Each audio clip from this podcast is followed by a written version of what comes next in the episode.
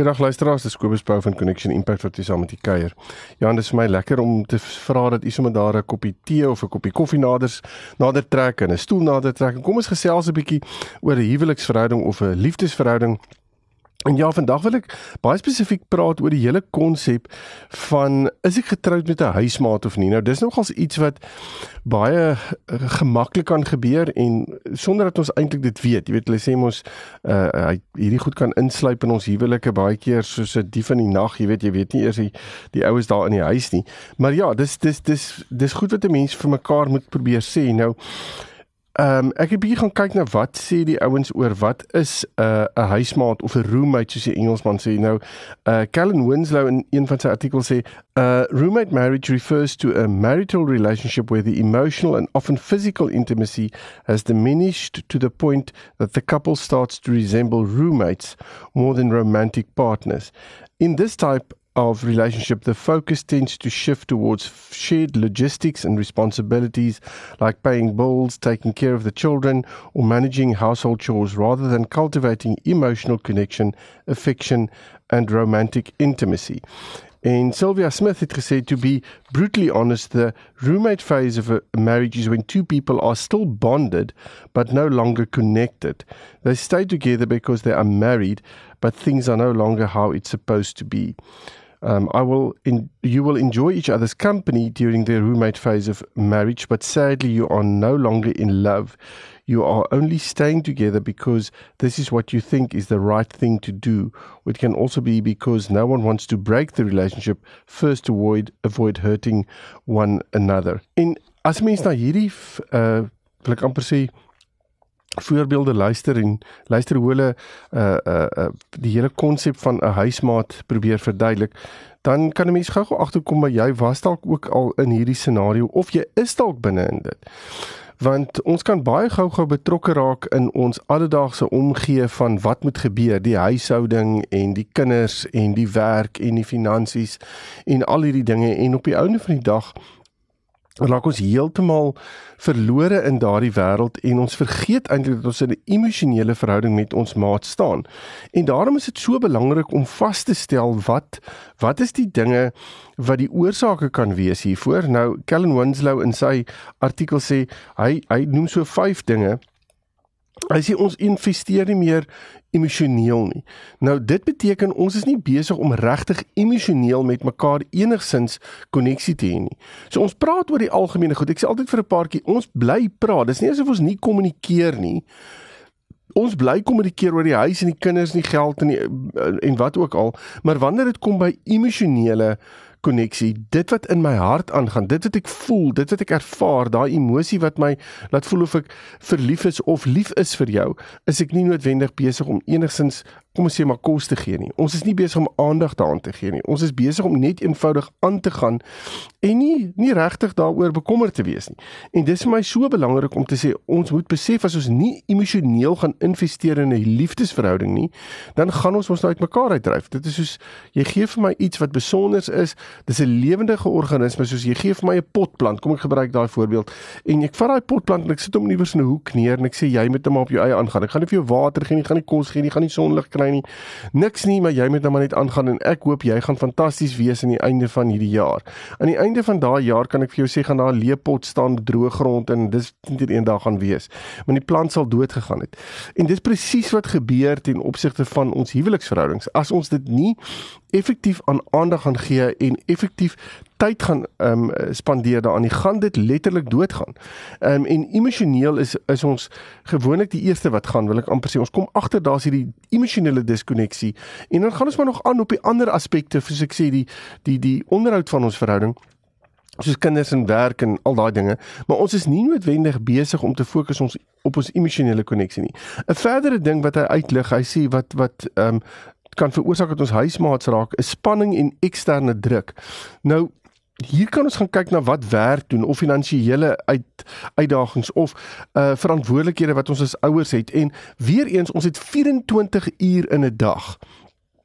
En ons kan baie gou-gou besluit, weet jy, ons verhouding is een van daai goed ons het op 'n stadium vir mekaar gesê ons gaan by mekaar staan vir die res van ons lewe. So hoekom sal ons nou daaroor twyfel? So kom ons vat hierdie ding en ons skuif dit net aan die agterkant van ons verhouding toe. Ons twee se verhouding skuif ons aan die agterkant toe want daar's nou belangrike dinge wat gehanteer moet word. So ons gee aandag aan die werk, ons gee aandag aan die kinders, ons gee aandag aan die finansies, ons gee aandag aan al daai ander goed wat ewe skielik op ons op ons bord beland. Maar voordat ons agterkom, is ons besig om in spanning te werk. Ons is besig om in druk te werk. Ons is besig om nie noodwendig vir mekaar te sê wat in ons wêrelde aangaan nie. So ons dryf uit mekaar uit. Die volgende punt wat hy sê is 'n tekort aan kwaliteit tyd. Nou dit is dis een van daai dinge wat ek wat vir my verskriklik interessant is. Paartjies sal sit en sê ons het nie tyd nie, ons is besig. O, ons is verskriklik besig en ek is deel daarvan. Ek steek eers my hand op om te sê ek neem ook deel aan hierdie hierdie gesprek.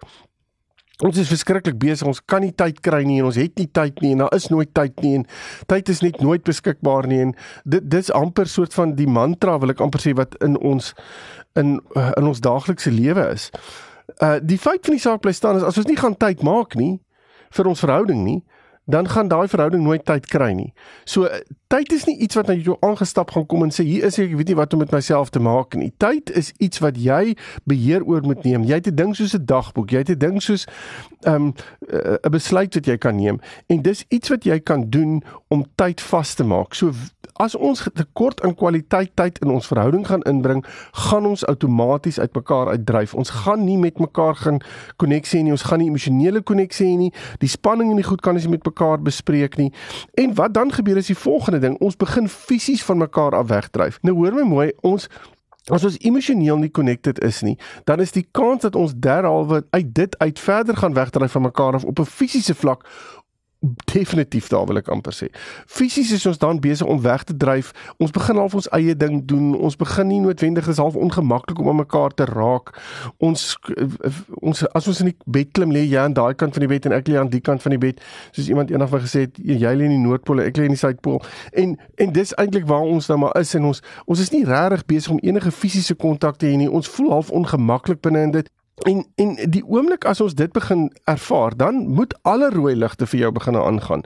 Wil ek amper sê want nou is ons besig om nie net op 'n emosionele vlak nie, maar ook op 'n op 'n fisiese vlak uh wil ek amper sê daai daai afstand tussen mekaar in te bring.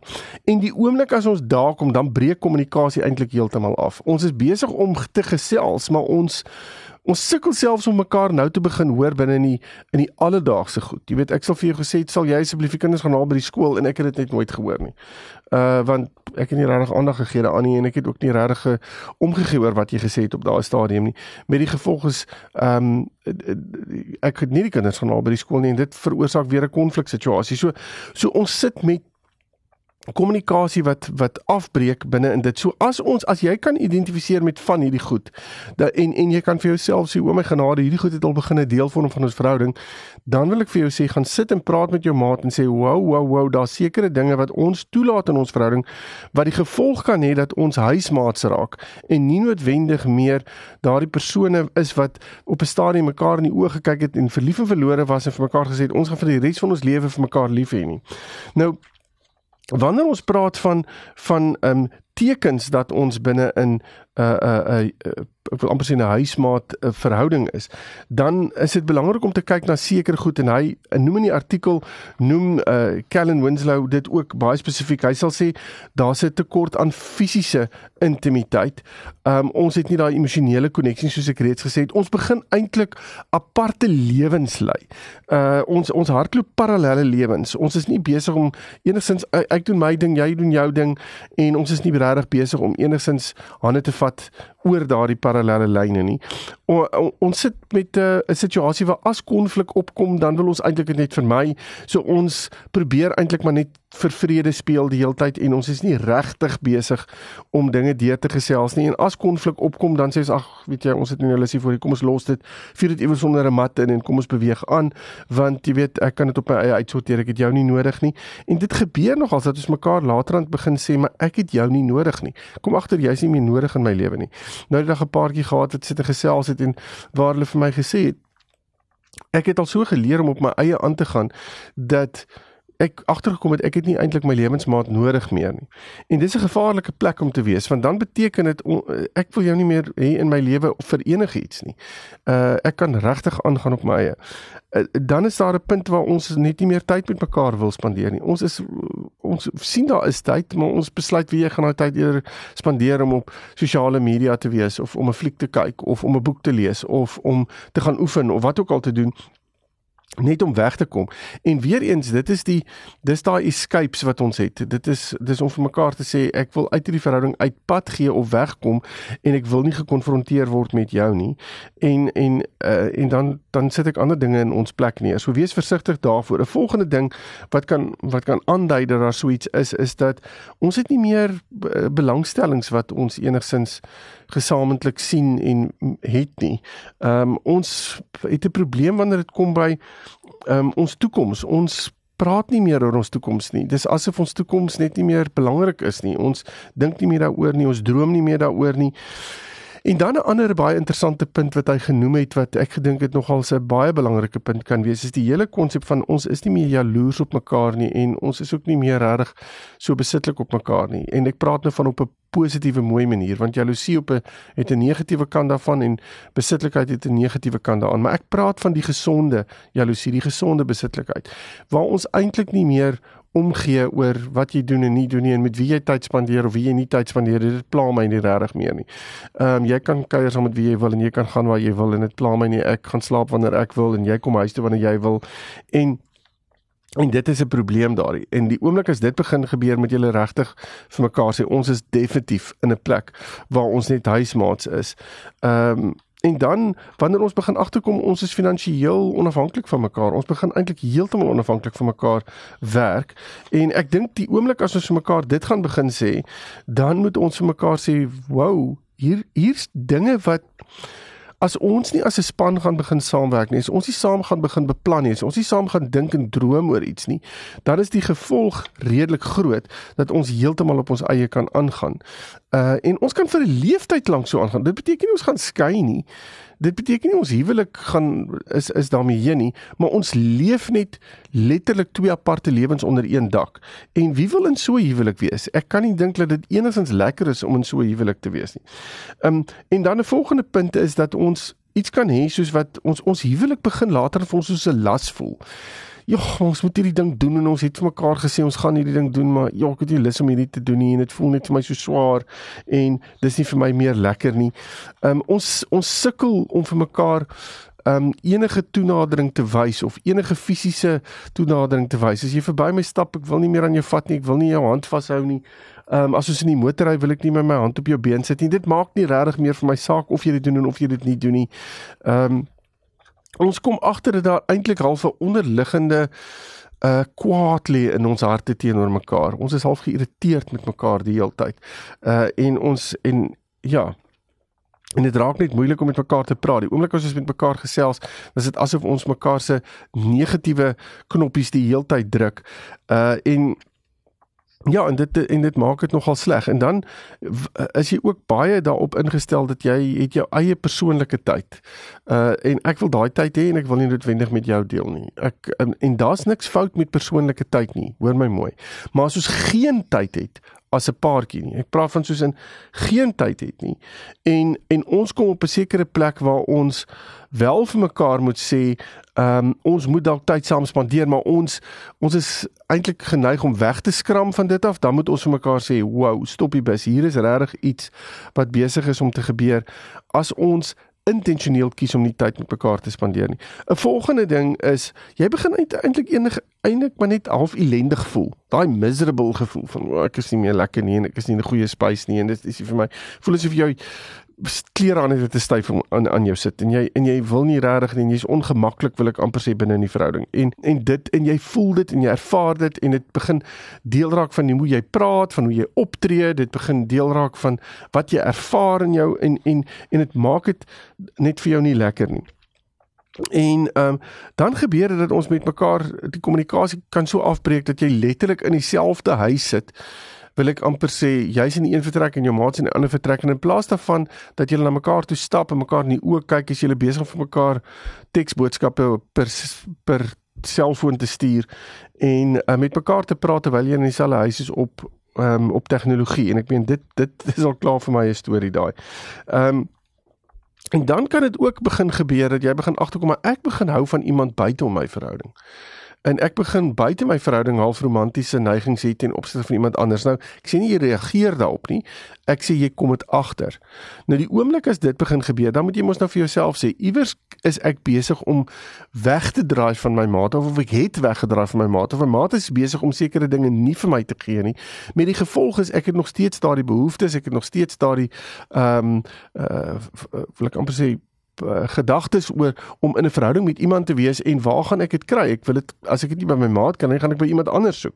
En daarom is dit so belangrik om vir mekaar te sê ons kan nie net eenvoudig hierdie goed ignoreer nie. Ons moet moet aandag hieraan gee. En En dan is ons op 'n plek soos ek gesê het waar ons konflik vermy, waar ons net vir mekaar sê ek wil nie met jou beklei nie.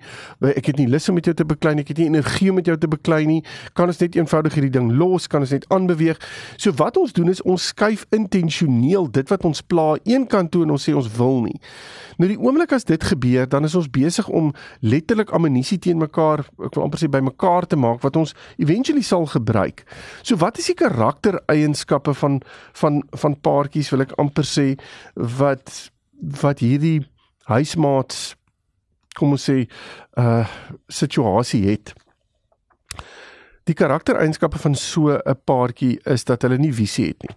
En hierdie kan julle gaan lees. Daar's 'n artikel wat ek wat ek gelees het wat Sylvia Smith geskryf het waarin sy weer sê hierdie paartjies het nie visie nie. Dit wil sê hulle het nie toekoms nie. Hulle werk maar net vir vandag en ons gaan net deur vandag en ons gaan net deur die emotions van die dag en ons het nie regtig ons ons het nie 'n visie. Ek het dalk 'n visie vir myself, maar nie noodwendig vir ons as 'n paartjie nie. So ons het nie noodwendig planne nie.